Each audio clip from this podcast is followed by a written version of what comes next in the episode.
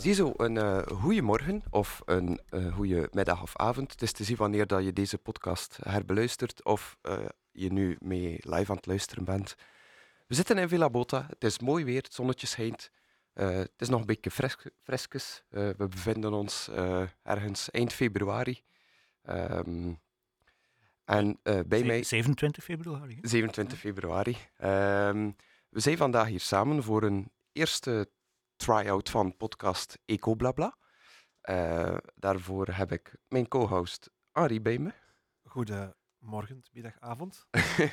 ja, en uh, onze twee gasten, Peter en Elke. Goedemorgen, middag, avond. Goedemorgen, middag, avond. uh, ik zou zeggen, stel jullie zelf een keer voor. Um, en dan kunnen we erin vliegen. Ja, wie begint er, Elke? Jij of ik? Jij mag de spits afbijten. Ja, oké. Ik uh, ben Peter Klerks. Uh, ik heb een organisatie die Ecoliving noemt, project Ecoliving in de Lange Straat 72. Uh, ik denk dat veel mensen mij op een of andere manier kennen. Niet echt kennen misschien, maar ik fiets heel veel met vrachtfietsen, met speciale vrachten. ik fiets heel dikwijls op blote voeten. ik draag eigenlijk zelden of nooit schoenen. als ik iets aan mijn voeten heb, zijn het eerder pantoffels. Um, ja, ik heb ook vier zonen, uh, maar die zijn al een beetje uitgezworven. Uh, en ik ben heel veel bezig met uh, minder afhankelijk leven van geld.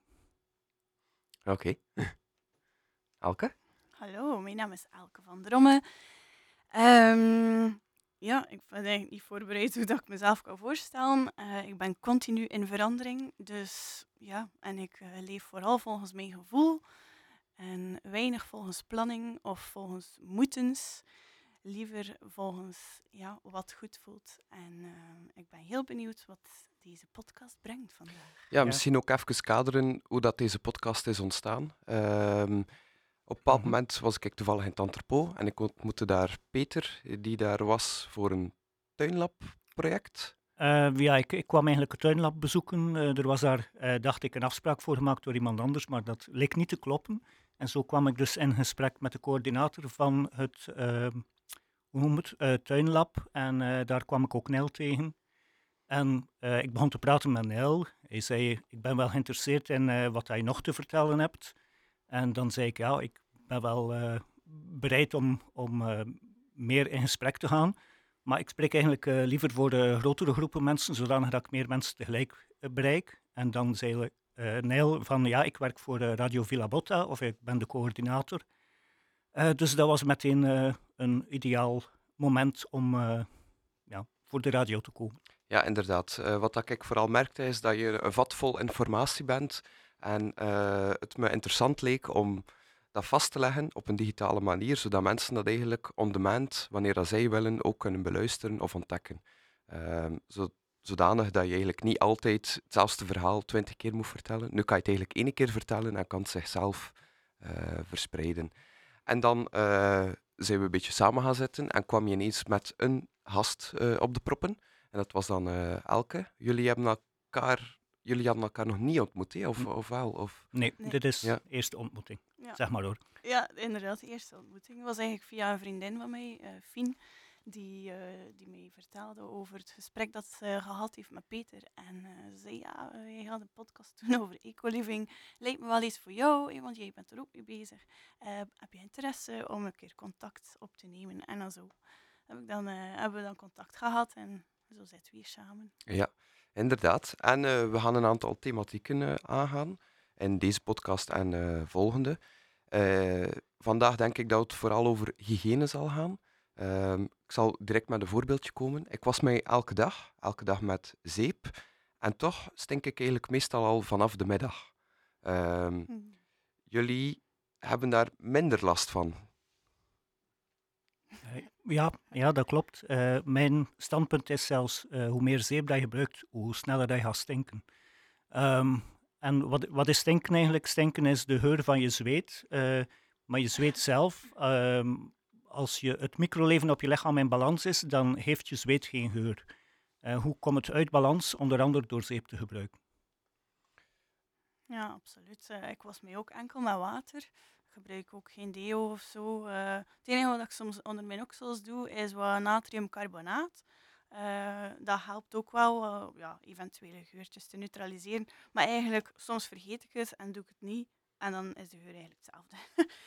dus, uh, ja. ja, maar ik vind dat eigenlijk wel verbijsterend dat mensen geen zeep gebruiken. Allee, dat in, in ons leven dagdagelijks wordt dat toch... Iedereen wast zich s ochtends ja, met een klompje zeep en jullie doen dat niet. Maar wij stinken dan, maar jullie niet.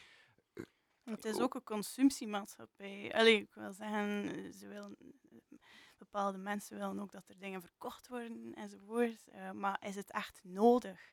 Uh, en is het wel goed voor ons lichaam en is het wel goed voor de natuur? En we mogen dat gerust in vraag stellen. Zou je kunnen zeggen dat het beter is zonder?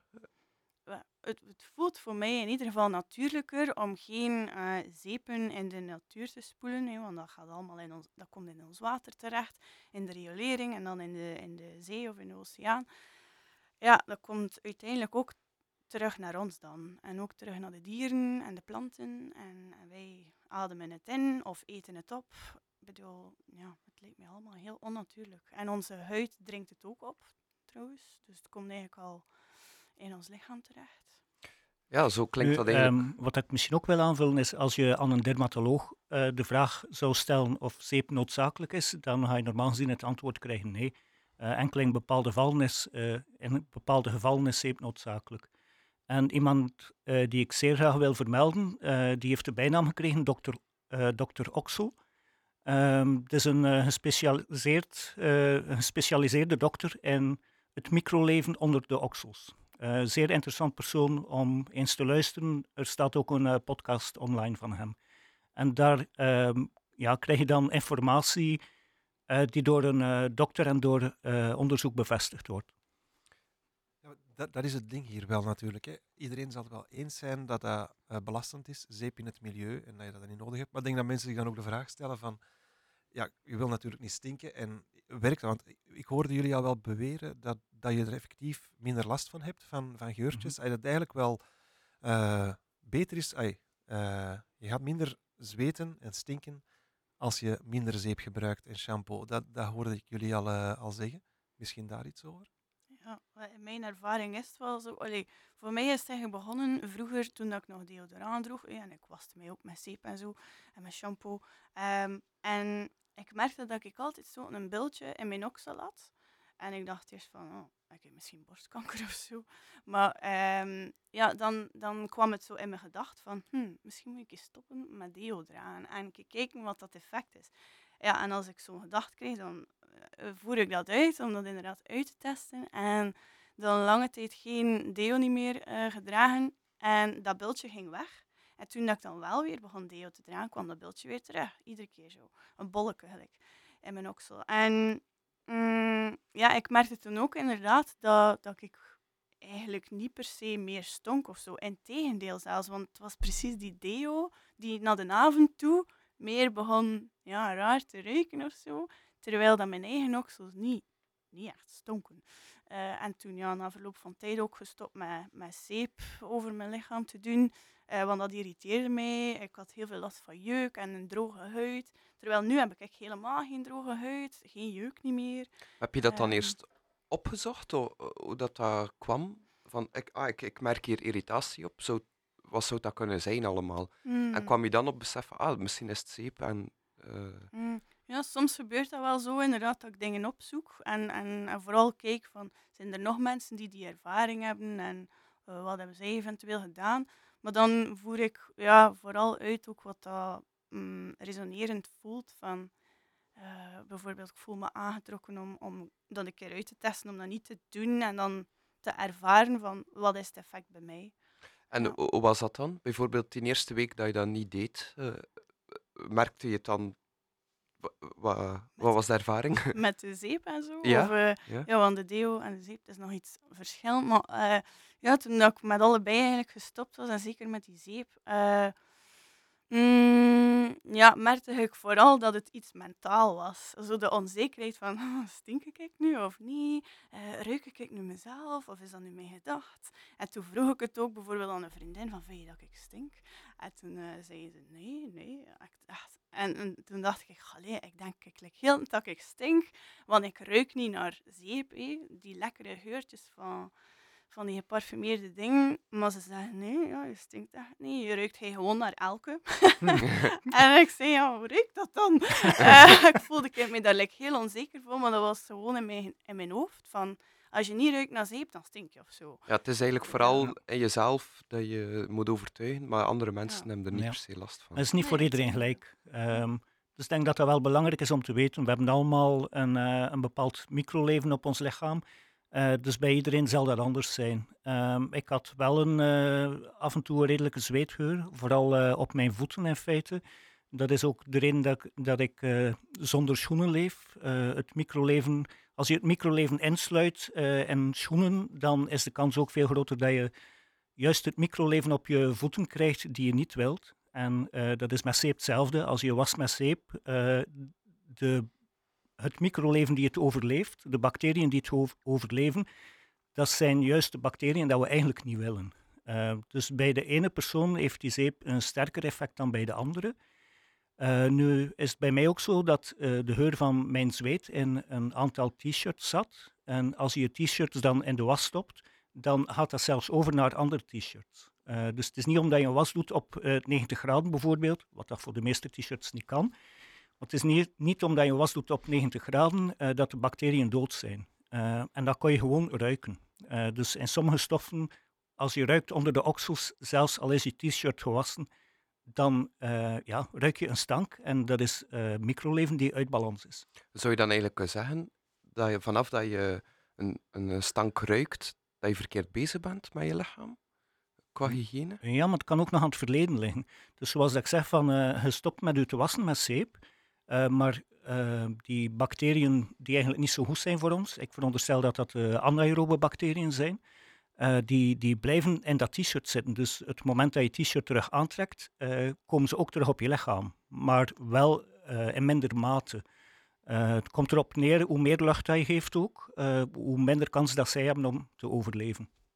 Ja, oké. Dus de, de slechte bedoel ik. Hè. Die, um, we er al een keer over gebabbeld ook. En toen zei jij dat een trucje zou kunnen zijn dat je zweet van jou overgeeft op een oksel van iemand anders en dat dat ook zou kunnen werken. Ja, dat is een van. Uh, ze doen een aantal testen, of er zijn al testen gebeurd met tweelingen, uh, dus identieke tweelingen, uh, waarbij dat ze het zweet van de ene oksel overdragen naar de andere, na eerst de bacteriën gedood te hebben. Um, en hetzelfde is ook al gebeurd met uh, zweet van op voeten. Uh, dus daar zijn er inderdaad experimenten mee. Uh, maar het is niet blijvend. dus het is niet omdat je dan een periode niet meer stinkt, dat, dat het zo blijft. je moet eigenlijk de oorzaak wegnemen, ja, waardoor dat de bacteriën uit balans komen. Oké, ja. Ehm, een, nog een ander iets was het knippen van haar of het al dan niet knippen van haar. Wat mhm. wilden jullie daarover vertellen? Mm. Ja, wel, ik heb daar ook wel mee geëxperimenteerd. Van, uh, als vrouwen zijn we ook wel al van jonge leeftijd ingeprent van benen scheren, oksels scheren, bikini-lijn enzovoort. Um, en op een gegeven moment voelde dat gelijk allemaal zo, al, al die tijd in die badkamer heel de tijd uh, doorbrengen om ons maar eh, presentabel uh, te kunnen voorstellen in, in, op straat of gelijk wat. Um, en, en dat voelde op een eindje niet meer goed. eerst was de make-up weggevallen. Um, ja, en na verloop van tijd dacht ik, hm, ik ga het een keer uittesten om mijn haar ook gewoon te laten staan overal. Kijk, kijken wat dat, dat doet uh, met mij. En, en ik merkte, ja, bijvoorbeeld het haar op mijn benen. Um, ja, ik laat het niet altijd staan. nu heb ik bijvoorbeeld wel weer het haar van mijn benen weggedaan. Uh, dat is wel veel informatie, maar... Het is nog discreet tot nu toe. Ja. uh, maar ik moet wel zeggen, hey, het effect ook dat ik wilde, wilde voelen van oh, wanneer dat de haar er nog op stond en ik was dan buiten in de wind, also die kriebeling van dat bewegende haar zo langs mijn benen en dat die echt veel deugt eigenlijk. Uh, terwijl als, als dat haar weg is, heb ik dat niet. Dan is het gewoon van eerste keer de kou dat ik voel. Ja. Uh, en ik merkte ook, wanneer ik mijn benen weer geschoren had, was ik eigenlijk minder sensitief voor bepaalde dingen. Terwijl wanneer ik het liet staan, was ik veel sensitiever. Het is precies like of dat ons haar echt antennes zijn om dingen waar te nemen in onze omgeving ook. Ja, oké. Ja, dus ik geloof ook wel dat ons haar heel veel informatie en wijsheid bevat. Eh, er zijn ook culturen, ehm, ik kan niet juist eh, zeggen waar, maar er zijn ook bepaalde culturen die nooit hun haren knippen. Eh, bijvoorbeeld de, eh, wat is de Ancient Indians of zo. Ik ben, ben waarschijnlijk verkeerd met de benaming, maar eh, die, die vlechten hun haar omdat die ook allee, krachtig en op zijn heel zou blijven. Want ons haar is ook heel sterk. Je kan er serieus veel gewicht aan hangen voordat dat ja, iets... en dat breekt eigenlijk nog niet af zelfs dan. Oh, mijn is niet sterk hoor. Ah ja, maar Heel dun. ik bedoel, al- als je het samen, eh samen neemt, al je haar, en Ah, je ja. zou er dan een, een zwaar gewicht aan hangen, dan gaat dat eigenlijk niet, niet afkraken of zo. Ja, Ehm, dat waarschijnlijk wel. Ja, maar inderdaad, één haartje, dat kan je wel Mhm. makkelijk eh, doortrekken. Ja. ja. Ehm, moesten wij dan al ons haar eh, laten groeien, heel ons leven lang, zouden we dan eigenlijk zonder kleren kunnen leven? Ja, ik geloof van wel. Allee, ik, ik denk dat we vooral eh, minder goed tegen de kou bestand zijn door het feit dat we zo gewend zijn aan, kleer, aan kledij dragen. Ja. Ehm, en natuurlijk ook binnenleven, eh, eh, weinig buitenleven. Eh, en verwarming gebruiken binnen. Allee, dat zorgt er allemaal voor dat wanneer dat we dan buiten komen en het is winter en het is koud, dat we er minder tegen bestand zijn. Ja, ik denk dat je bij alles ook je lichaam de tijd dient te geven om zich aan te passen. Allee, op blote voeten eh, lopen, dat, ben ik ook niet, dat heb ik ook niet van de ene dag op de andere dag gedaan. Ik heb mijn, eh, gekeken naar hoe mijn voeten reageren, ook qua eelt en zo. Ehm, maar wat eh, kou betreft, ik leef zonder verwarming. Ik was mij met koud water. Deze ochtend heb ik mij intiem gewassen en mijn benen en mijn voeten gespoeld. Allee, gewassen is misschien on- onjuist uitgedrukt. Ik gebruik geen zeep. Eh, noem, je het dan wassen of noem je het dan gewoon afspoelen? Eh, maar ik heb gewoon aan mijn IBC-vat buiten gestaan, waar dat er een eh, tuinslang aan hangt. En ik heb mij met dat koude water afgespoeld, terwijl dat buiten, denk ik, min 1 was. Ik warm enorm snel terug op. Mijn lichaam begint te gloeien. Ik moet mij ook amper afdrogen, omdat ik ben heel snel droog. Dus ik denk dat dat een van de dingen is waarmee mijn lichaam zich aangepast heeft aan de manier waarop ik nu leef. En overdag eh, in het gebouw waar ik eh, actief ben, bij Ecoliving, is, is het eh, niet al te warm. Eh, op dit moment rond de 8 graden, denk ik. Eh, ik draag dan een aantal lagen boven elkaar om warm te hebben. Eh, maar als ik dan geen kleren aan heb, dan ben ik daarover verbaasd dat ik eigenlijk toch niet echt koud heb. Hmm. Hmm.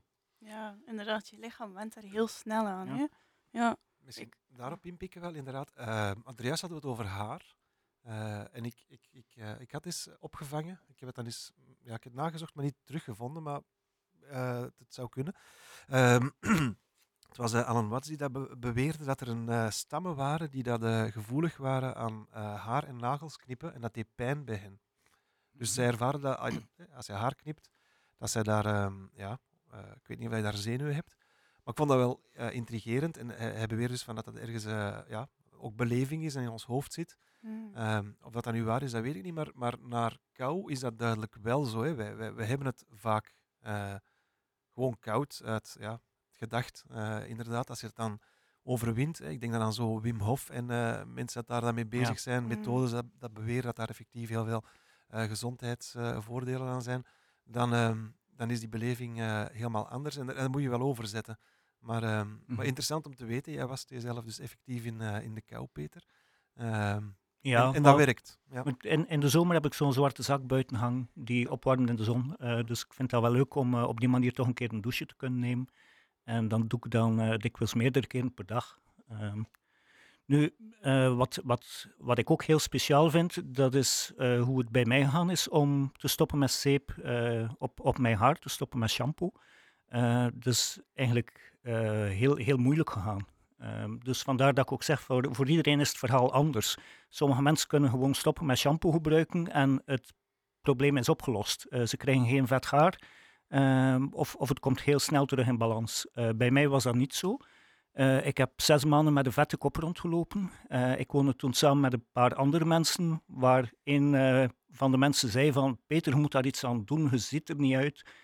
Was uw haar? Ik ben... Uh, ja, hij was beschaamd dat, ik, dat hij samenwoonde met mij. Um, dus dat was wel moeilijk. maar ik heb dan mijn haar beginnen verbergen onder een muts. nu, ik, ik hoop dat ik mensen niet afschrik om het toch te proberen. De reden dat ik het vertel is van het is gewoon voor iedereen anders. Nu, ondertussen heb ik mijn haar leren kennen. Uh, in die zin, uh, mijn haar is in balans gekomen uh, uiteindelijk. Dus het vet is eruit gegaan. Hoe heb ik dat uiteindelijk bereikt? En misschien had ik daar geen zes maanden voor te wachten, maar ik heb een heel klein beetje zeep gebruikt. mijn haar was toen minder vet. het vet begon terug te komen, maar niet zoveel als vroeger. En ik heb dan volgehouden. Um, en ik denk dat nog misschien wel nog een jaar geduurd heeft voordat, uh, voordat mijn haar echt helemaal niet meer vet was, uh, voor ik een soort natuurlijke balans had. Maar op een dag ben ik MDF-platen aan het zagen. met een cirkelzaagmachine, dus dat stuift hoe rond. En MDF, dat zijn platen, dat is eigenlijk stof die aan elkaar gelijmd is, waar heel veel lijm in zal zitten. En blijkbaar reageert mijn haar daarop. Dus een half uur later, misschien was het 45 minuten, ik heb het niet getimed, maar ik ja, had wat jeuk en ik wrijf op mijn hoofd met mijn hand en ik voel hoe vet mijn haar was. En ik kon ook gewoon mijn, het vet zien blinken op mijn hand. ik heb toen, toen, een maand gewacht, weer een maand met een vette kop rondgelopen. en uiteindelijk hetzelfde gedaan, een beetje zeep gebruikt. en alles kwam terug goed. En ik heb dat later nog een tweede keer meegemaakt, ook met MDF. Juist dezelfde reactie. Hm. Dus blijkbaar is vet een verdediging tegen een aanval van buitenaf. Uh, zo interpreteer ik het. Sindsdien uh, heb je nooit MDF meer gekocht? Uh, ik, ik had het niet gekocht, ik was een werkje aan het doen voor iemand anders. Ja. ja. ja. Over het kopen, dat wil ik wel even meegeven. Hij leeft eigenlijk van voedselresten, hè? van de winkels? of? Nu, ik ben uh, meer dan tien jaar geleden gestopt met werken voor een inkomen. Uh, ik heb dan een speciaal statuut gekregen daardoor, het statuut van ingezetene. Ik wist ook niet dat het bestond. Uh, daarmee bleven mijn, bleef mijn papieren in orde. Allee, nu zijn ze niet in orde, maar dat is nog een ander verhaal.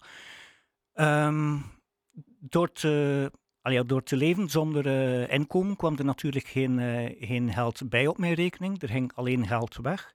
Uh, dus heb ik de ingesteldheid genomen om zo weinig mogelijk geld uit te geven.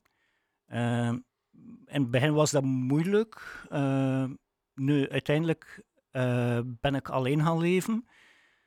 En heb ik, in, allee, ik was in allerlei sociale projecten actief. Ehm, via die projecten had ik een heel netwerk. Op een bepaald moment ben ik gestart met een soepcafé. Voor het soepcafé zijn we voedseloverschotten beginnen ophalen. Uh, en uiteraard uh, heb ik dan ook van die voedseloverschotten gegeten. Uh, na verloop van tijd had ik enorm veel voedseloverschotten. Eh, ik ben daar zelfs een soort ehm, ja, winkel mee begonnen met een eigen muntsysteem. En ondertussen is dat uitgebreid tot een, een hele winkel. Het, ja, je kunt het niet echt een winkel noemen misschien. Het, het gaat niet om, om geld binnenhalen of geld verdienen. Ehm, maar het is een, een heel systeem geworden uh, waarin dat er allerlei zaken binnenkomen. Dus ook meubels, uh, matrassen, ehm, sieraden, ehm, ja, allerlei zaken. Dus ik leef eigenlijk helemaal van wat er weggegooid wordt op onze maatschappij. Ik heb ook een gebouw ter beschikking gekregen. een leegstaand gebouw die ik mag gebruiken voor dit doel.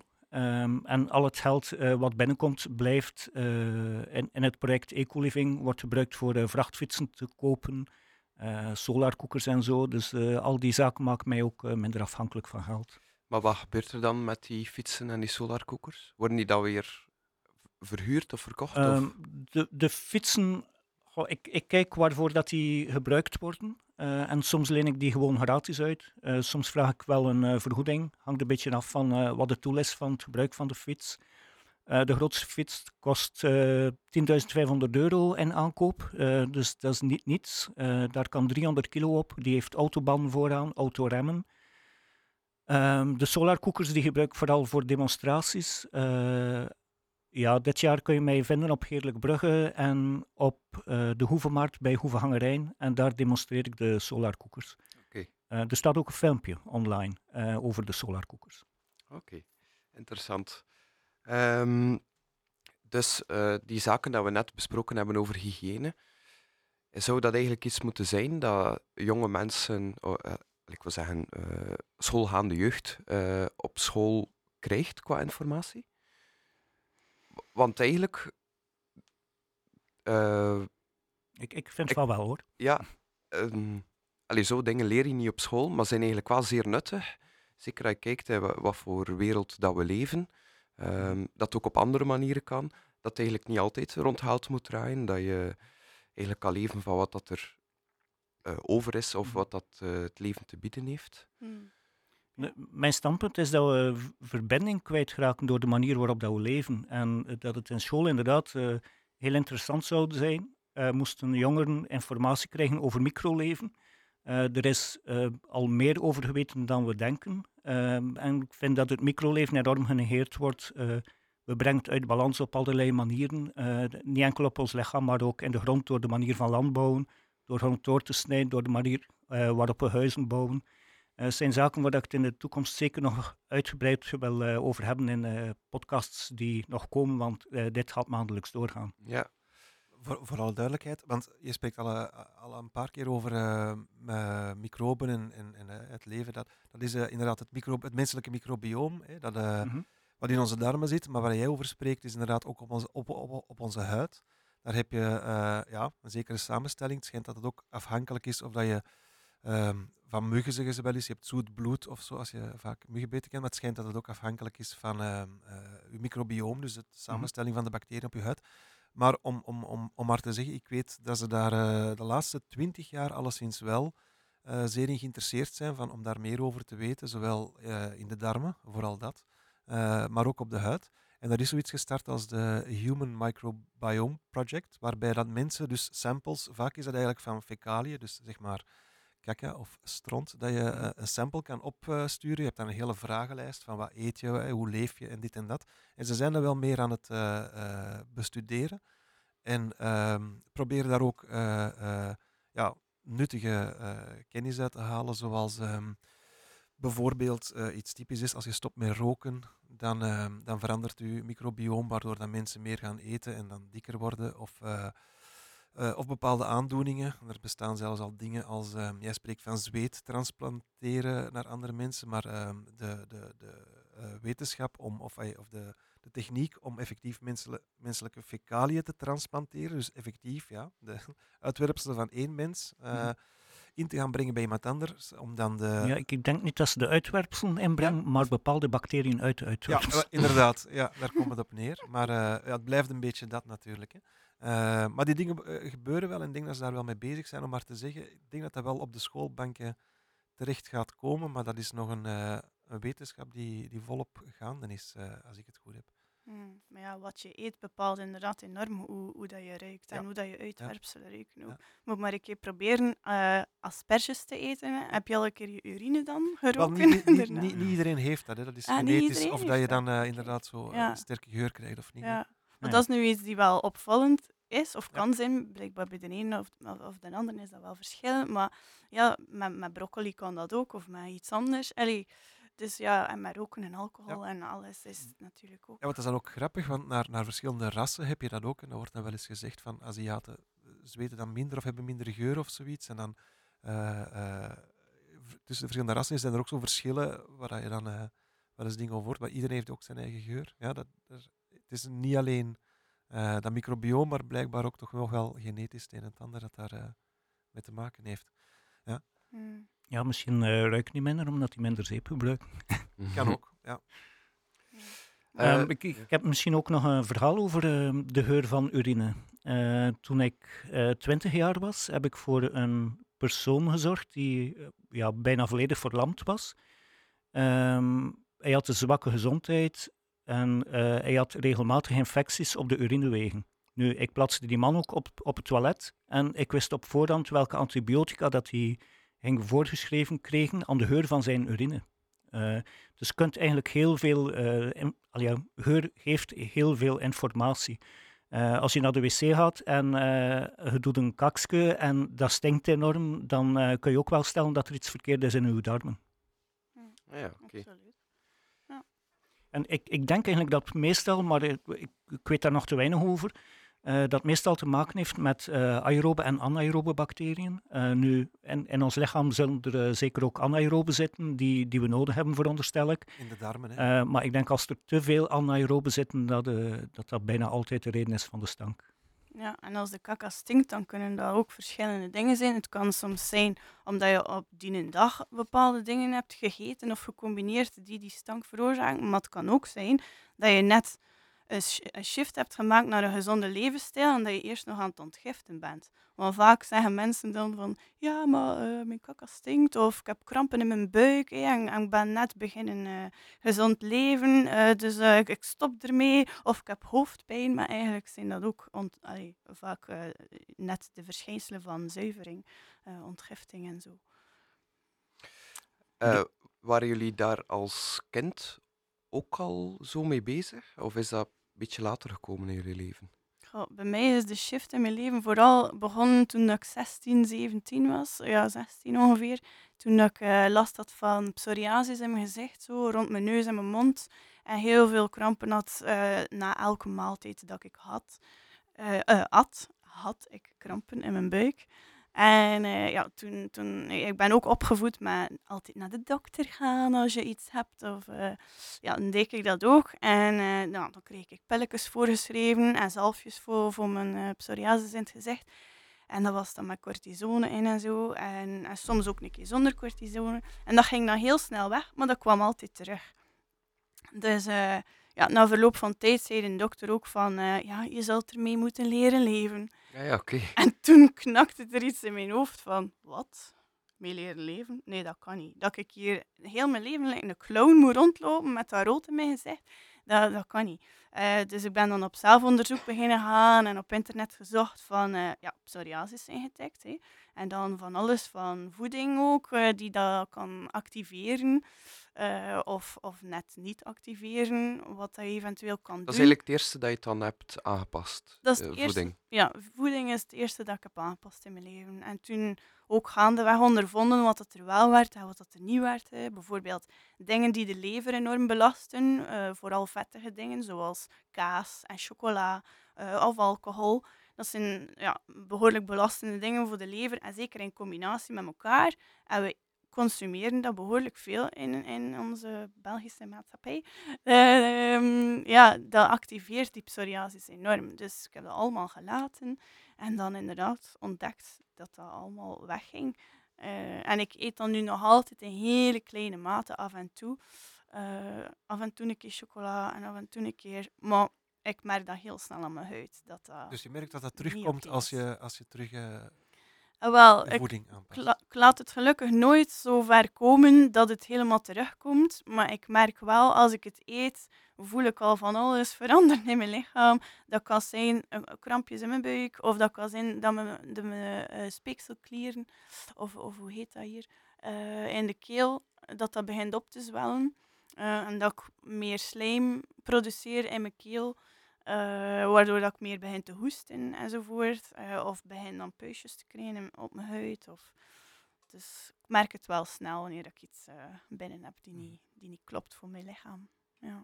Ik, ik was er als kind totaal niet mee bezig. Al, ik bedoel, als jonge mens, eh, voor ik twintig was, heb ik nooit stilgestaan of weinig bij mijn voeding of bij gebruiken van zeep en zo. Eh, maar toen ik eh, zelf kinderen op de wereld gezet heb, eh, vond ik het belangrijk om een goed voorbeeld te geven. En daar is mijn voeding helemaal veranderd. Hmm, Interessant. Ja. Ja. Hoe dan?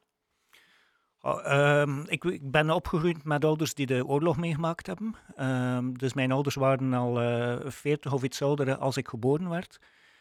Eh, ik ben zelf trouwens 58, eh, maar ik heb het gevoel dat ik eh, tien jaar geleden herboren ben. Dus mag mij even oud als een tienjarige beschouwen. maar dan misschien iets verder gevorderd dan de meeste tienjarigen qua informatie die ik bij me, heb. Ehm, dus ja, ik wil maar zeggen, van, ik ben een paar keer ferm veranderd in mijn leven. Nu, ik ben vergeten wat je vraag was. Nee. Ehm, Hij ook. ik nu ook. Eh, je, je zei dat je zonen. ehm, Dat ik Dat je- voorbeeld wou Nee, dat je Ja, voeding, voeding. veranderd is. Ja. ik, ik, ik Ah, vroeg me ja, dan op- af, op welke welk voeding gaf ja, je dat, ja, ja. die dat juist wel of juist Ja, niet? dus mijn ouders die vonden eh, vlees enorm belangrijk. Ehm die hadden het vlees, dat was het belangrijkste op het menu. Eh, ik heb dan ook eh, veel eh, vlees gegeten. Onder, ongeveer 50% van mijn voeding bestond uit vlees. Eh, ik herinner me ook als we op restaurant gingen, eh, dan eh, was de bedoeling dat ik een biefstuk vroeg en geen kip. Dat moest een biefstuk zijn, maar ik vroeg altijd kip met frieten. dus daar herinner ik me heel goed hoe mijn voeding was. Ehm, toen rond mijn twintigste ehm, of ja, 19 eh, ben ik ergens in de kwik gaan werken en daar heb ik ijsbergsla leren kennen. tussen de hamburgers. Toen werd ook alles nog ter plaatse gesneden en eh, ja, dat was iets totaal nieuws voor mij. En die sla die was eh, knapperig. Ja, ik vond dat gewoon iets, iets heel lekker. eh allee, of tot mijn verbazing lekker voor sla te zijn. Dus daar ben ik eigenlijk begonnen met, met sla te beginnen eten. Ehm, ja, en toen later mijn zoon er waren, die, die hadden zo, misschien geef je dat genetisch door of zo, ik weet het niet, maar die, die wilden ook veel vlees eten. Die wilden altijd maar worst eten bij alles. Op de boterham en, en de warme maaltijden, altijd worst, worst. Eh, dus ja, ik dacht van, ik moet hier iets op vinden, want die gaan eh, het, hetzelfde doen als ik gedaan heb als kind. Ehm, ja, ik wil ze gezonder opvoeden. Eh, en dan heb ik een, een regel verzonnen van oké, je mag vlees eten, maar er moeten groenten bij. Als je salami of andere worst op de boterham doet, eh, dat is goed, maar er, ik wil dat je daar een tomaat bij eet op de boterham. Zodat of, ze dat een beetje gewend Ja. worden om Ja, te eten. ja. En nu zijn ze eh, eigenlijk allemaal vegetariër. Eh, ze gaan bij uitzondering wel een keer vlees eten. eh, en dat is dan dikwijls mijn schuld, omdat ik voedseloverschotten ophaal en dan geen plaats meer heb voor dat vlees in een diepvries te stoppen. En ik wil ook geen massa's diepvriezers aanleggen. Ja. En ehm, zijn ze blij dat je ehm, die manier van aanpakken hebt gebruikt? Of? Ik weet niet of, dat ze, er, of dat ze daar eh, bewust van zijn. Eh, Ah, ja. ja. ze waren klein, dus eh, dat is een herinnering van lang geleden. Ehm, we wouden het ook nog hebben over ehm, het belang van zelfkweek. Elke, jij haalde dat daar net aan. Mhm. Wat wou je daar precies over vertellen? Ja, het belang van zelfkweek. Eh, ja, sowieso. ach, het heeft zoveel voordelen eigenlijk. Zelfkweek, eh een eigen moestuin creëren. Ehm, mensen denken soms van ja, maar ik heb daar eigenlijk geen plaats voor, want ik woon op een appartement of het een of het ander. Zelfs dan kun je eigenlijk ook een moestuin creëren. Eh, je kunt ook altijd in de hoogte werken. Eh, er je hebt nu tegenwoordig veel van die zakken waar dat je, eh, ja, als je dat aan de muur hangt of het een of het ander, dat je daar van alles in de hoogte kunt op ehm, ja, in planten eigenlijk. Ja, je weet dan wat je, wat je plant, je weet dat het gezond is, je weet wat je er hebt ingestopt. Eh, als je dat met liefde behandelt, dan krijg je die liefde ook terug in je eigen lichaam en zo verder. En het helpt ook om te aarden, eh, weer meer verbinding te maken met de natuur en met onszelf. Ehm, ja, het is ook een goede, hoe moet ik het zeggen, afleider, eh, om het zo te zeggen, van technologie bijvoorbeeld de gsm, hè, die al veel van onze tijd vaak inneemt, eh, afgeleid zijn van video's bekijken of ik weet niet wat allemaal. En als we dan eigenlijk weer verbinden met, met, de natuur, met de planten en ja, we verbinden we ook weer meer met onszelf, komt er weer meer inspiratie om van alles te creëren, van muziek en gedichten schrijven. Allee, ik spreek nu even uit mijn eigen ervaring. Bij mij is dat toch zo eh, dat er heel veel inspiratie komt wanneer ik in de natuur ben. Ja. Je kunt aardappelen kweken eh, in, een, in een zak. Het is eh, echt ideaal om aardappelen te kweken in een zak. Ja. Ik ga misschien kort uitleggen op, op welke manier dat je dat kunt doen. Ehm, soms worden er zakken gebruikt waar, eh, waar er voordien bloemaarde in zat. Die worden omgekeerd zodat de zwarte kant naar buiten staat. Ehm, doordat de aarde dan warmer krijgt, stimuleert, stimuleer je de groei van de plant. Nu, eh, je begint met eh, 10 centimeter aarde, waar dat je eh, plantaardappelen in doet. Ik denk dat zo noemt, ben ik heel zeker van de naam. Het zijn kleine aardappeltjes, ehm pootaardappelen noemen, denk ik. Ehm, die laat je dan groeien. En als de plant 10 centimeter hoog is, dan vul je weer 10 centimeter aarde bij. Uh, zodat de plant nog net boven de grond staat. En dat doe je telkens opnieuw, totdat de zak helemaal vol zit. En op die manier creëer je een, uh, een diepe zak waar dat er steeds meer aardappelen aan groeien. En de grootste die zitten onderaan. Uh, je maakt dan een gat in de zak onderaan, waardoor dat je al kunt oogsten terwijl de plant nog verder groeit. Ah, mooi. Nu, dus ik heb de spruitjes er eigenlijk, de, de, de, de uh, ja, de spruitjes toch, ja, van de aardappel wel al bui naar buiten brengen. Of Ah, noemt dat spruitjes. Ah, ja. Hoe is dat dan? Ah, de kiemen, de kiemen. Ja, ja. De, de, jonge aardappelplantjes. Ik ben niet zo vertrouwd met uh, moestuinieren, maar hier en daar weet ik wel iets. Um, en uh, wat vraag je? Ah, wel, want je zegt je doet die allemaal in de zak. Ja. Maar dan, dan zit dat in een donkere. Moeten die niet naar buiten gebracht worden, nee, daar waar ze schieten? Je rolt die zak eerst op. Dus ah, ja, je rolt hem helemaal naar beneden als je begint met die 10 centimeter uh, aarde. En je gaat dus in, in lagen opbouwen. Um, nu, op een bepaald moment uh, zeggen ze dat de, de plant doodvalt. Uh, dat betekent, ik denk na een maand of twee, uh, gaan de groene stengels omvallen. En dat is het moment om alles te oogsten. Uh, en misschien interessant om mee te delen, zodanig, zodanig, dat andere mensen niet dezelfde fout maken als ik. bij mij, die aardappelplant, die viel niet dood. die bleef maar groeien. Die deed dat fantastisch goed. Die werd enorm hoog en die groeide snel. En ik, ik denk dat hij vijf maanden later uh, nog altijd groen stond. Uh, en dan uiteindelijk dacht ik van, ja, ik ga kijken wat ik heb van aardappelen. En ik had zo, uh, denk ik, vier of vijf aardappeltjes van goh, misschien vijf millimeter groot. Oké. Okay. Ja. En ehm, wat is er gebeurd? Ik had grond genomen uit een kippenhok. En aardappelen uh, die kunnen goed groeien op mest, maar de, al de energie gaat in de plant en niet in de aardappel. Dus die, die vormt eigenlijk geen aardappelen, die groeit alleen maar. Uh, dus de grond, als je aardappelen wilt oosten, uh, mag je geen rijke, zeer vruchtbare grond gebruiken. Dus geen compost, niet uit het kippenhok. Mm. Oké, dat wist ik niet. Maar um, wat was het begin? Je steekt gewoon een klein krielpatatje eigenlijk in de, in de grond. Ja, normaal worden er uh, speciale pootaardappelen verkocht daarvoor. Um, maar wat je blijkbaar ook kunt doen, is aardappelen uh, in, in, stukken snijden. Uh, en het zijn die ogen die groeien. Uh, ik heb zelfs ooit aardappelen gehad. dus in mijn gezin hebben we altijd het spoelwater van, van de groente gebruikt om aan de kamerplanten te geven.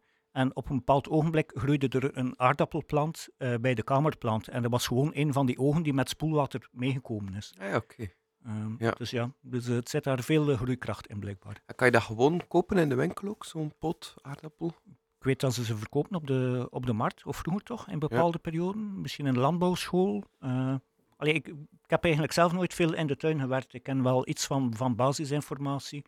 Ik heb hier en daar een poging gedaan, maar uh, ja, het is uh, niet altijd gelukt. De aardappelen zijn dus niet gelukt. Maar, moet, moet zeggen, ik heb thuis altijd zo wel zo een paar patatjes liggen die al aan, beginnen schieten in de kast. Zo, en dan... Ja, zou je dat eigenlijk gewoon ja, in de grond kunnen steken? Ik ga dat doen. Ik ga dat eens met zo'n zak proberen. Maar daarom vraag ik me wel af, dus je hebt tien, ah, sorry dat ik er nog eens over ga, maar je hebt dus uh, de zak, 10 centimeter aarde, aardappeltjes erop. En wat dan? Want uh, ik denk dat ik de methode ken, maar is dat dan niet dat je dan de, uh, ja, de plant eigenlijk al naar buiten moet laten gaan, dat die daar kan groeien? Dat je er terug aarde op doet, terug aardappelen, en dat je overal aan de zijkant dan die aardappelplantjes krijgt die groeien. Zo zag ik het voor mij, maar ik, ik weet niet of ik u een uitleg helemaal uh, misschien begrijp. kan dat ook, maar uh, bij mij weten uh, groeien, groeien, ze alleen langs boven uit de zak. Uh, er worden ook speciale zakken verkocht, waar, waar dat er zo een soort luik onderaan zit dat je kunt open doen. er worden ook bakken nu, verkocht ja, ik denk daarvoor. Dat, ik denk dat ik begrijp wat jij bedoelt. Eigenlijk is het, je de aardappelen erin. Als die, als die scheutjes wat groot zijn, laat je de scheutjes boven, maar je gooit er aarde op totdat die nog net boven komen of die groeien daardoor. Ja, dus Bij jou groeit de plant helemaal na, naar boven eigenlijk. en je vult hem geleidelijk aan meer met aarde ja, Ah, ja. En dat is eigenlijk de bedoeling, omdat die, die stengel steek je dan onder de grond. En uh, doordat die stengel onder de grond zit, komen er meer aardappelen uh, aan die stengel, okay. ondergrondse stengel. Ah, Oké, okay. dus binnen twee maanden uh, ja, voilà. hebben we veel patatten. Ja. Ik, ik heb trouwens heel veel zin om zelf groenten en fruit te laten groeien, maar ja, ik, ik haal het van de overschotten. Waarom zou ik zelf produceren als er weggegooid wordt? Natuurlijk, iedereen vindt zijn manier. Ja. Maar ik hoop ooit in een uh, soort samenvoorzienend uh, leven terecht te komen. Maar ik wil daar uh, later wel een keer een, een, hele podcast aan wijden. Op welke manier dat ik het zie om een groene oasis te laten ontstaan. Die goed zijn voor de mens, maar voor, voor alles wat er leeft op onze planeet. Maar ik, ga, ik ga hier al eens zo'n zakje komen leggen met mijn patatjes van Ja, thuis. Dan kunnen we opvolgen of, dat er, oh ja, of dat er effectief iets uitkomt. Maar Elke, je zei het ook, hè? eh, waarom zijn er zoveel open plekjes die niet gebruikt worden om groenten te telen of, of bloemen te zetten of bomen te zetten? hè? Ja, inderdaad. Het zou super interessant zijn mochten we met zoveel mogelijk mensen kunnen samenwerken, of eventueel met de gemeente ook, om, eh, om, om plekjes die nog open zijn, eh, om die, die, die vol te planten met... Ik vraag mij dan soms af waarom dat, dat niet gebeurt. Gewoon. Zo, zo- Ja, ah, wel. Zo'n beetje als een tijdelijke invulling van een, een gebouw dat leeg staat. Een beetje een tijdelijke invulling van een stukje grond dat Ja. daar ligt. En kom, hè, kunnen we daar iets mee doen? Ja, bijvoorbeeld. Of zelfs blijvend. Of ja. Ehm, Misschien Ja. kunnen we beginnen tegelwippen. Ik weet niet of dat gekend is, tegelwippen. Nee. Eh, dit is iets wat ze in Nederland doen. Eh, dus ze sporen Ah, mensen aan om tegels eh, te verwijderen van op de terrassen. En dan noemen ze tegelwippen. Ah ja, in Brugge hebben ze dat ook Ja. gedaan. Hè? Ja. Eh, aan de voorgevels, tegeltje weg Ja, ja, en ja. een klimplantje. mm. Of eh guerrilla gardening, eh, misschien gekend. Eh guerrilla is een, eh, een oorlogsvoering met eh, zaadbommen. Eh, dus ja, dus soms eh, een beetje burgerlijk ongehoorzaam zijn eh, kan wel verandering brengen. Maar we hebben eigenlijk gelukkig heel veel mooie open plekken hier in België. Maar tegelijkertijd hebben we ook veel velden die vol staan met oftewel gras, waar dat maïs. ook niks aan hebben, of maïs inderdaad. En, eh, en als dat continu jaar in jaar uit datzelfde is, zeker van maïs, dan droogt dat eigenlijk heel de aarde uit, waardoor dat bodemleven ook doodgaat. En na verloop van tijd heb je er niks niet meer aan. En dan schrapen ze eh, met grote zware machines die dan ook nog een keer bodemleven kapot maken door dat gewicht die daar telkens over rijdt, schrapen ze dan telkens de bovenste eh, voedingslaag van, van de aarde weg, omdat die eigenlijk gewoon helemaal uitgedroogd is. Maar dan komen ze iedere keer dieper en dieper en dieper terecht. En uiteindelijk, allee ja, het is eigenlijk een straatje zonder einde. Wat zou je dan voorstellen dat ze wel doen? variëteit eh, aanplanten. Eigenlijk eh, bijvoorbeeld in een bos zie je ook dat dat een verscheidenheid is aan verschillende planten en bomen.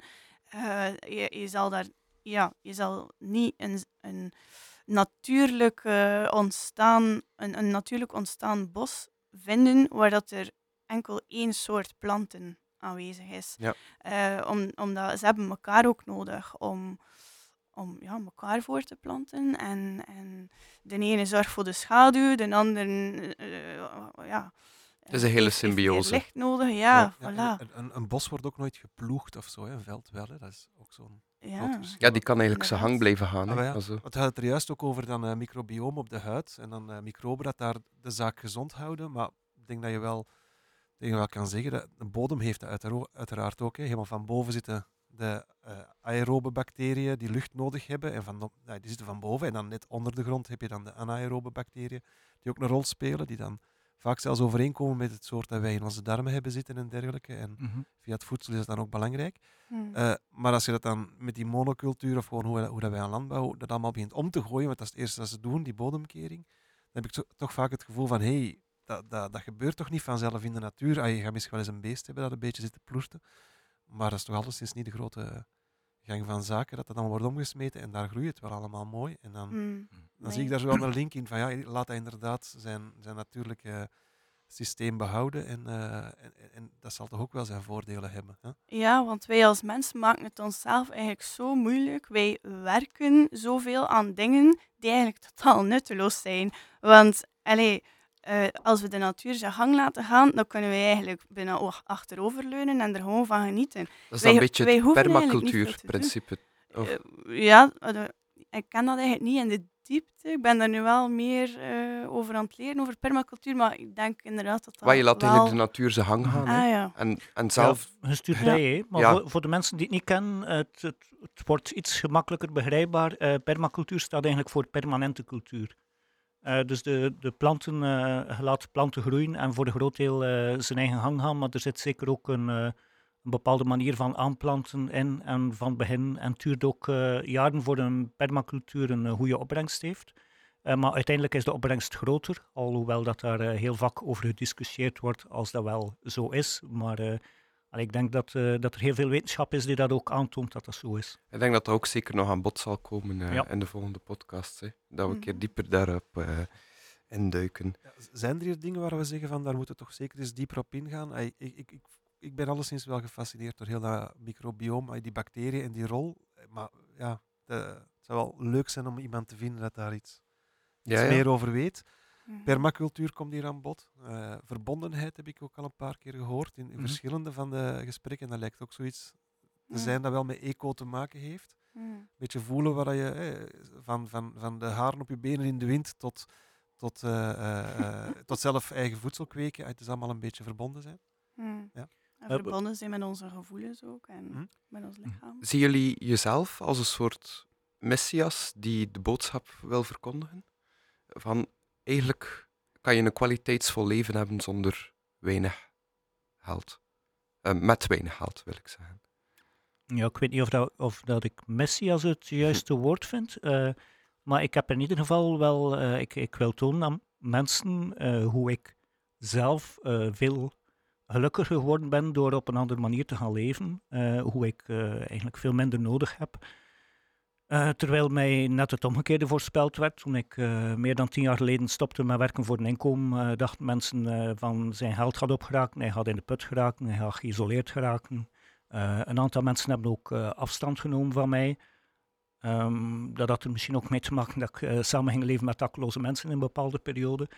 Ehm, maar in ieder geval, het, het omgekeerde is gebeurd. En dezelfde mensen die vroeger dachten dat ik eh, ja, ergens ging eh, geïsoleerd geraken op een of andere manier, die, eh, die bewonderen mij nu eh, voor de stappen die ik gezet heb. Mhm. Is dat niet echt messias, maar je, Mm. bent, je probeert dan wel een voorbeeld te zijn. Ja, maar er moet toch een bepaalde Ja. drang zijn dat je, dat je denkt van, ah, dit werkt, deze manier. Ik Ja. wil dat kunnen overdragen aan mensen. Ik heb altijd een dubbel gevoel gehad. Dus ik kom uit een, een heel commercieel gezin, die, eh, waarbij dat je de boodschap krijgt van eh, als je geld verdient, heb je zekerheid in het leven. Eh, dat is trouwens wat er gezegd wordt over studies ook. Eh behaal een hoog diploma, dan ga je later geld verdienen en dan heb je, kun je zekerheid opbouwen. Ik, ik vind dat geen juiste boodschap. Ik vind, dat we, ik vind het onnatuurlijk om zekerheid op te bouwen via het bezit van veel geld. Voor mij bestaat zekerheid vooral uit het in verbinding zijn met je leefomgeving. En dat ondervind ik heel dikwijls. eh, toen ik bij mijn vrouw wegging bijvoorbeeld, ben ik in een huis gaan wonen eh, die nog een ruwbouw was, eh, waar de muur helemaal uitgebroken was. Als het buiten verloor, verloor het binnen. De mensen in mijn omgeving, waar ik een goede, ja, eigenlijk niet altijd noodzakelijk een heel goed contact mee had, maar er was een netwerk van mensen die weten waarvoor ik sta, hoe ik in het leven sta en positief wil zijn. Ik heb heel veel aanbod gekregen van mensen van kom bij ons wonen. Ik kreeg van iemand ook een sleutel van, eh is de sleutel van mijn huis. Als ik niet thuis ben, kun je ook binnen en je kunt een douche komen nemen. Eh, want ik had geen stromend water en zo. Dus ik vind de verbinding met onze omgeving en ook met de natuur enorm belangrijk. Mhm. En we verbinden ons trouwens ook via microleven. Het is ook wetenschappelijk aangetoond dat we via microleven eh, communiceren. En ik veronderstel hoe minder zeep dat je gebruikt, hoe beter hij communiceert via uw microleven. Elke, ik ga ook nog een keer dezelfde vraag aan jou stellen. Zie, Ja? zie jij jezelf als een soort bo- boodschapper? Boodschapper. Ik had mezelf nog niet zo bekeken, maar eh, ja, ik, eh, ik gebruik die woorden niet echt, maar wel eh, wat ik belangrijk vind is om het zelf te doen. Alles wat dat in mij opkomt, wat dat meest resonerend voelt met dichter bij de natuur leven en bij wie dat we werkelijk zijn en mijn gevoel volgen van wat aangenaam voelt. Hè. Dus eh, meer in die richting leven. En dan merk ik ook in mijn omgeving, een beetje zoals dat Peter zegt, dat mensen, ja, dat, dat trekt mensen ook wel aan. Ze willen daar dan ook wel meer over weten. Want veel mensen willen dat eigenlijk in essentie zelf ook wel meer terug in verbinding met zichzelf en met elkaar en met de natuur leven. Eh, maar denken soms dat het onmogelijk is, om, om, omdat we het niet Maar- rond ons Maar denken ze dat omdat ze op die manier misschien gelukkiger zouden zijn? Dat ze denken dat ze gelukkiger zouden zijn? gelukkiger zijn wanneer dat ze meer in verbinding met de natuur Ja. leven. Ja, dat denk ik wel. Ik denk wel dat de bedoeling van alles wat dat we willen in ons leven is omdat we ons er goed bij voelen. Ja. Ehm, en, en door het zelf al te belichamen en, en ergens al, ja, hoe moet ik het zeggen, een voortrekker zijn van het allemaal uit te testen en te ervaren van wat zijn de pro's en contra's, maar dat is natuurlijk ook persoonlijk, eh, dan zien de mensen al, ah, het is dus toch mogelijk, het kan.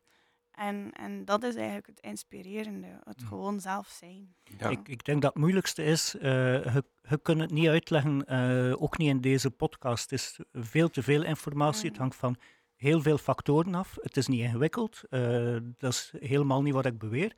Uh, maar het is veel informatie die het ook nog dient uh, door te dringen bij mensen. Kijk, we hebben het hier een heel eind gehad over hygiëne. ik heb het gehad over het microleven die nu in balans is op mijn lichaam. Maar het gaat nog verder dan dat. dus ik gebruik geen zeep op mijn lichaam.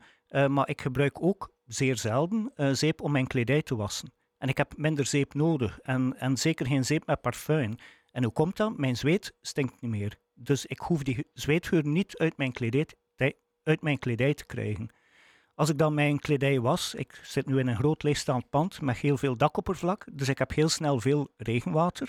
Dus alles gaat in regenwater. Regenwater reinigt ook al beter. Het feit dat ik geen zeep gebruik, betekent ook dat al het water wat ik gebruik terug de grond in kan. Dus kan je stellen, in mijn geval, uh, hoe meer uh, regenwater ik gebruik, hoe beter voor de natuur. En de meeste gevallen is dat omgekeerd. Als je in een huis uh, ja, je wasmachine laat draaien, hoe meer dat je die wasmachine laat draaien, hoe slechter. Um, in mijn geval komt het te goede aan het grondwaterpeil, aan het leven in de bodem. En er is iets wat we helemaal niet beseffen, of toch de meeste mensen niet. En dat is als we in een huis. Wij zitten hier in Vlaanderen in een gebied met watertekort, drinkwatertekort. Uh, het grondwater staat doorgaans te laag. Wat doen wij met z'n allen als we in een huis aan een kraan draaien? Dan gaan we water gaan verplaatsen uit de Ardennen, uit het Albertkanaal tot hier. Uh, dat water wordt drinkbaar gemaakt onderweg. Uh, er is een heel netwerk nodig die enorm veel geld kost om te onderhouden en om aan te leggen. Um, dus, is eigenlijk bijna absurd, vind ik. Uh, dus dat water gaan we verplaatsen uit de Ardennen tot hier. En als we het dan gebruikt hebben, gaat het weer een netwerk in, een rioleringsnetwerk, en wordt het uiteindelijk naar de zee gebracht, waar dat in het beste geval gezuiverd wordt en naar, naar de zee geloodst wordt. Dus al dat water uh, gaan we heel die afstand laten doen en ergens kan het de grond in. Uh, en het regenwater die gaat ook, heel, ook uh, in de meeste gevallen weg via riolering en in een iets beter geval ehm, ja, stroomt het af naar een, een beek of een vaart. Uh, maar uiteindelijk eigenlijk zou dat grondwater, allee, zou dat regenwater de grond in moeten. En dat is precies wat gebeurt door mijn manier van leven. Dus hoe meer water ik gebruik, hoe beter ik mij voel. Ja. Oké. Um, je had ook nog een, misschien om af te sluiten, uh, een oproep die je wou benoemen? Uh, ja, juist. Ik ga uh, normaal gezien in een programma komen op VTM. Ehm, via VTM Go online kun je dat programma bekijken. Uh, maar allee, ik kom er dus nog niet in op het ogenblik. maar ze doen een oproep naar meer mensen zoals ik, maar eigenlijk specifiek naar gezinnen. Allee, zoals ik is fout uitgedrukt.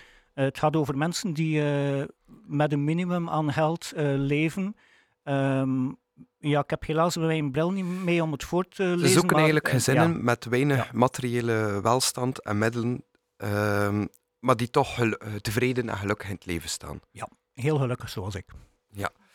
Um, dus ja, bij deze een oproep zijn er mensen die op deze manier uh, leven. Don't, volgens het principe Don't worry, be happy. Mm -hmm. dan kunnen die via Instagram naar Peter Box. Broeks. Broeks. Ja, of ik zal het wel bij de beschrijving zetten van de podcast. Of ja. info at cutthecrap.eu. Nu, hij heeft bijna dezelfde naam als ik. Ik noem Peter Klerks en dat is achteraan CKX. En Peter Broeks is ook achteraan CKX. Ja, inderdaad. Oké, okay, ik, ik, ik, bedank jullie om uh, aanwezig te zijn bij oh. de eerste podcast. Uh, mochten er nog dingen zijn die jullie graag willen spitten, ja. dan, uh, dan, kan dat, dat kan dat zeker ook nog hoor. Ik wou nog een keer terugkomen op de vraag die je stelde van onderwijs. Omdat ik dat wel heel interessant vind, wat je vroeg van vind je dat dat in het onderwijs zou mogen aan bod komen.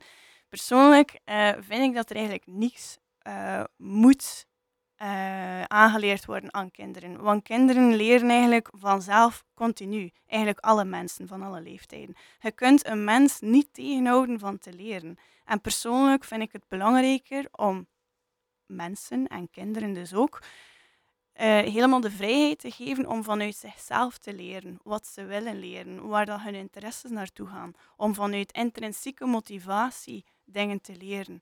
Uh, bijvoorbeeld, ik heb vorige week nu stage gedaan op een, uh, in een democratische school in Gent.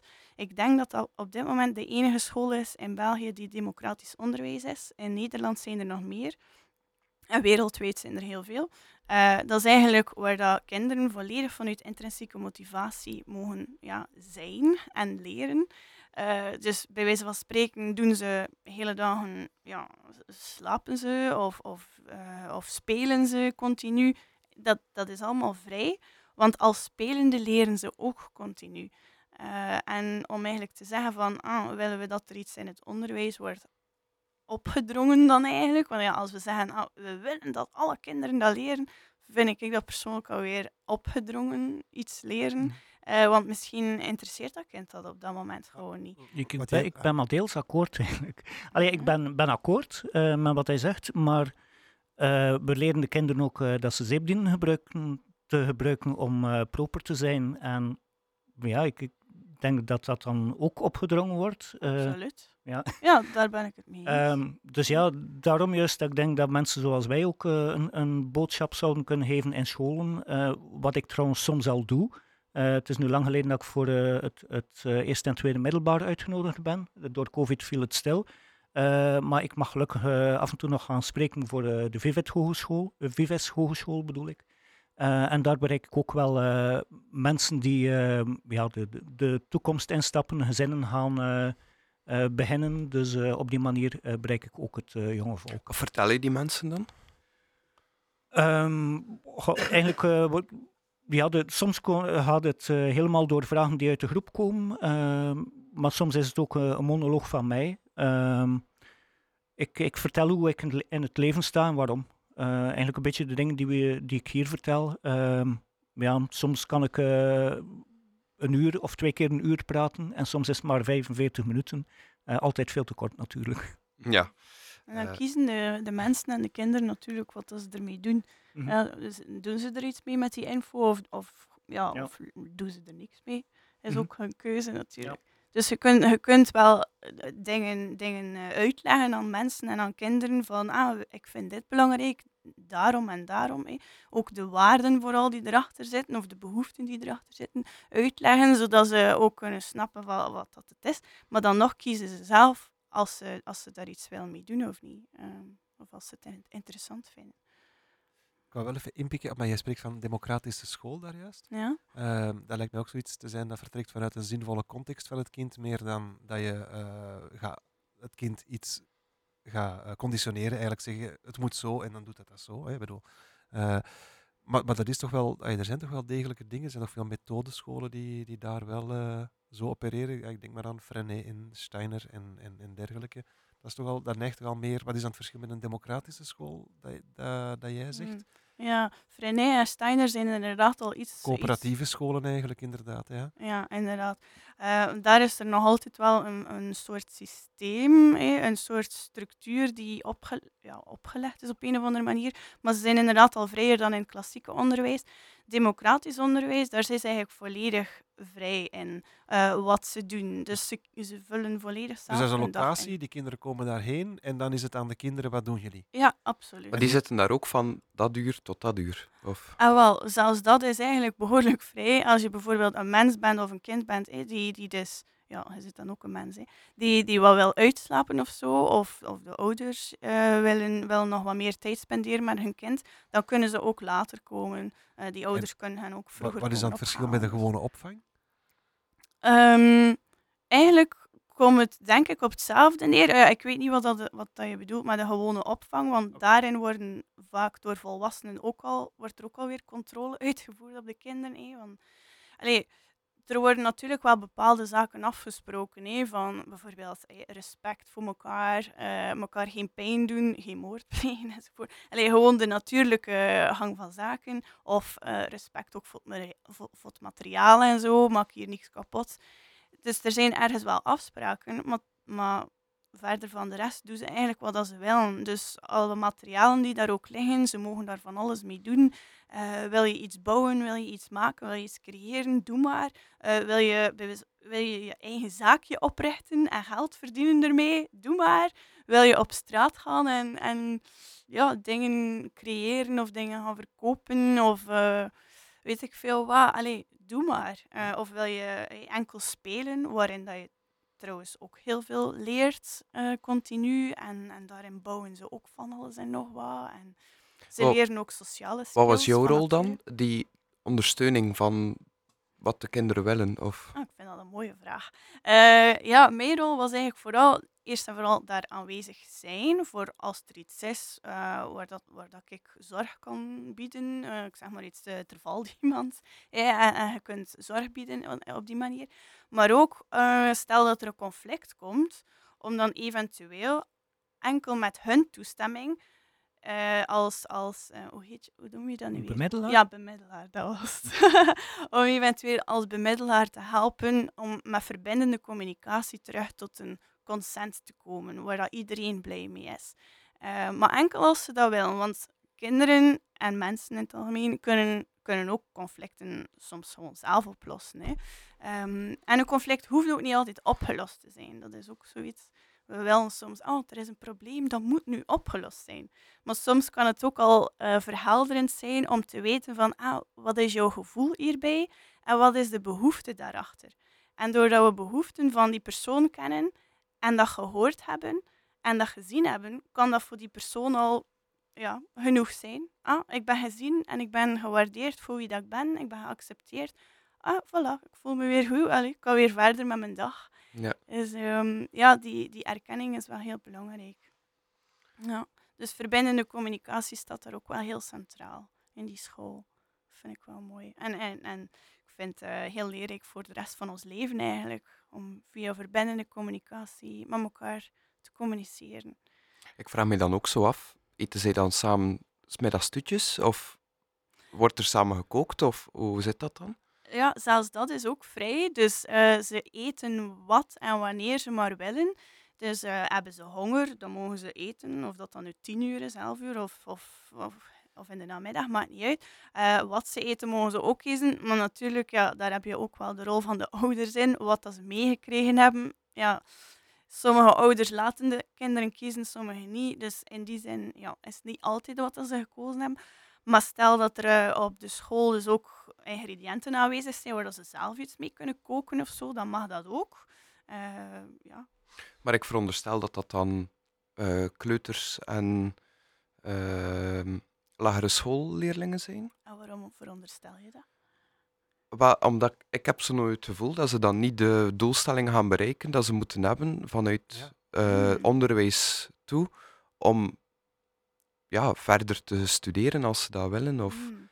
Ja. Eh, want uh, iemand had mij ooit een keer verteld dat bijvoorbeeld een Steinerschool niet aan alle principes voldoet dat het eigenlijk zou moeten, um, waardoor dat ze ook minder gesubsidieerd worden vanuit de regering. Ik vraag me gewoon af hoe dat, dat dan in elkaar zit. Er is, er is schoolplicht in, in, in België wel, of in Vlaanderen, is wat in België. En, leerplicht. Ja, wel, of ja, je hebt je leerplicht inderdaad. Je moet je doelstellingen halen, je hebt een leerplan. Ja, ik vraag me ook inderdaad af, hoe wordt dat daar gecombineerd? Hoe, hoe brengen zij dat want dat is inderdaad de Steiner en, en, en andere methodescholen volgen dat wel nog enigszins. Maar als je gewoon inderdaad zegt van ja, je doet maar, dan is het ook aan dat kind om te zeggen van ah, ik, ik maak dat leerplan af of niet. Ja, hoe haal je al die mm. doelstellingen? Ik moet zeggen, ik stel mij er ook wel vragen bij. Ja, dat wordt vaak verondersteld dat kinderen dan eigenlijk gewoon niks gaan leren. Hè? Want als ze toch niks moeten leren, waarom zouden ze dan? Maar eigenlijk leren ze continu. En dus de leeftijd is van, ja, vanaf dat je schoolplichtig bent tot, tot 18 uh, dus is dat twee jaar en een half dat je, dat je normaal naar school moet gaan? Vanaf twee jaar en een half, zoiets? Uh, ja, in ieder geval tussen die leeftijden zijn ze daar welkom in die school. Uh, dus aan alle leeftijden zitten daar door elkaar. Dus je bent niet onderverdeeld in klasjes per leeftijd. Dus ze leren ook van elkaar. De ouderen en de, kinderen, de jongere kinderen leren elkaar veel.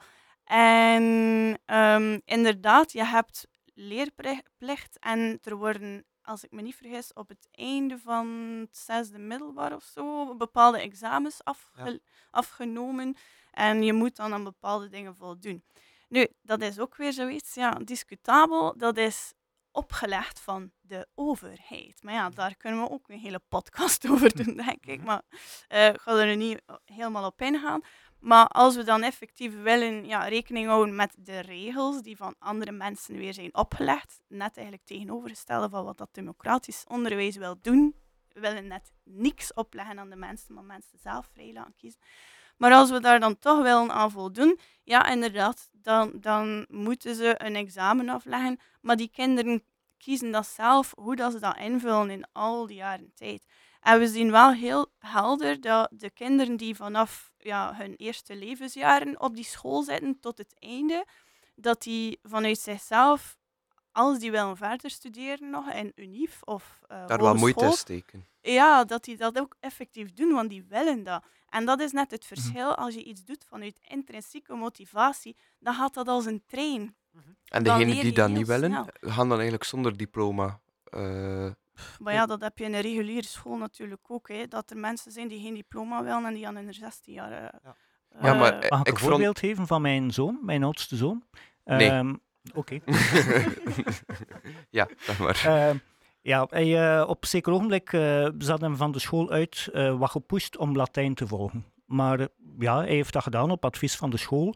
En hij was dat eigenlijk direct beu. Allee, na een jaar was hij dat beu en hij was het zo beu dat hij zei: Ik heb geen zin meer om te studeren, ik ga naar beroeps en ik ga voor schilder leren. Hij heeft dat ook gedaan. Um, het beroeps heel laag niveau op vlak van, allee, in, in schilderrichting toch waar hij zat, op vlak van rekenen. Hij was daar zelf verbaasd over.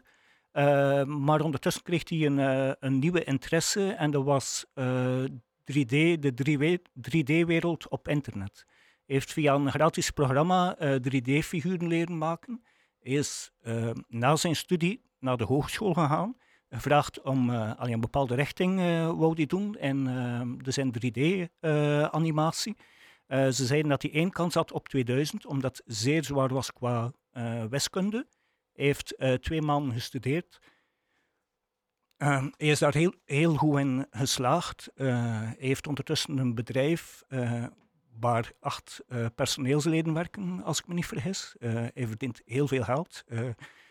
Uh, maar het voorbeeld dat ik eigenlijk wil geven is, mijn zoon had een geen verplichting om te leren. al ja, toch niet van ons uit.